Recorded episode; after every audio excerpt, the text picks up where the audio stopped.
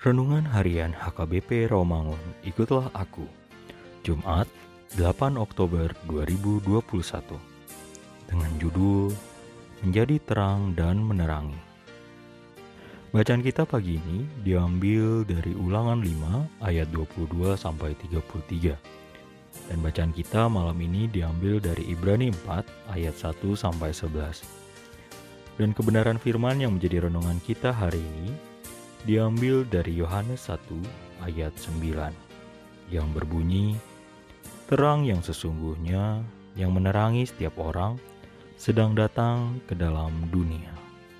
Demikianlah firman Tuhan. Kita adalah cerminan Kristus sang terang yang sesungguhnya. Pernyataan bahwa Yesus adalah terang telah ada di dalam dunia namun ia tidak dikenali dan tidak diterima oleh manusia ciptaannya.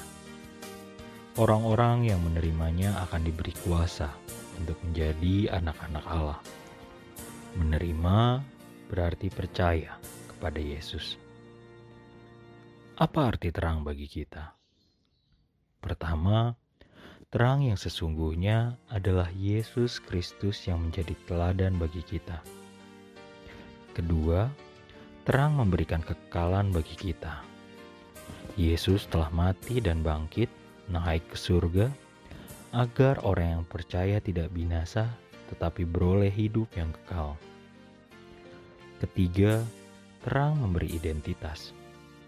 Menjadi Kristen berarti orang yang memberi respon, meresponi kasih Allah. Itulah karakter kasih. Kita hidup dari kasih Allah karena itu, kita harus saling mengasihi. Keempat, terang mengubah kebiasaan. Kita pindah dari gelap kepada terang yang mengubahkan hidup kita. Kita membutuhkan terang yang sejati itu. Mari kita buka hati kita untuk menerima terang itu.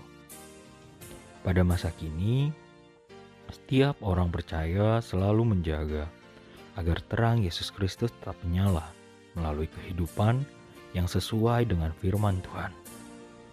Keberadaan orang percaya sebagai terang dunia akan terwujud bila kita sungguh-sungguh menerapkan kasih kepada Tuhan dan kasih terhadap sesama. Terang Kristus menerangi kita. Sudahkah kita membiasakan diri memancarkan terang kepada orang-orang di sekitar kita?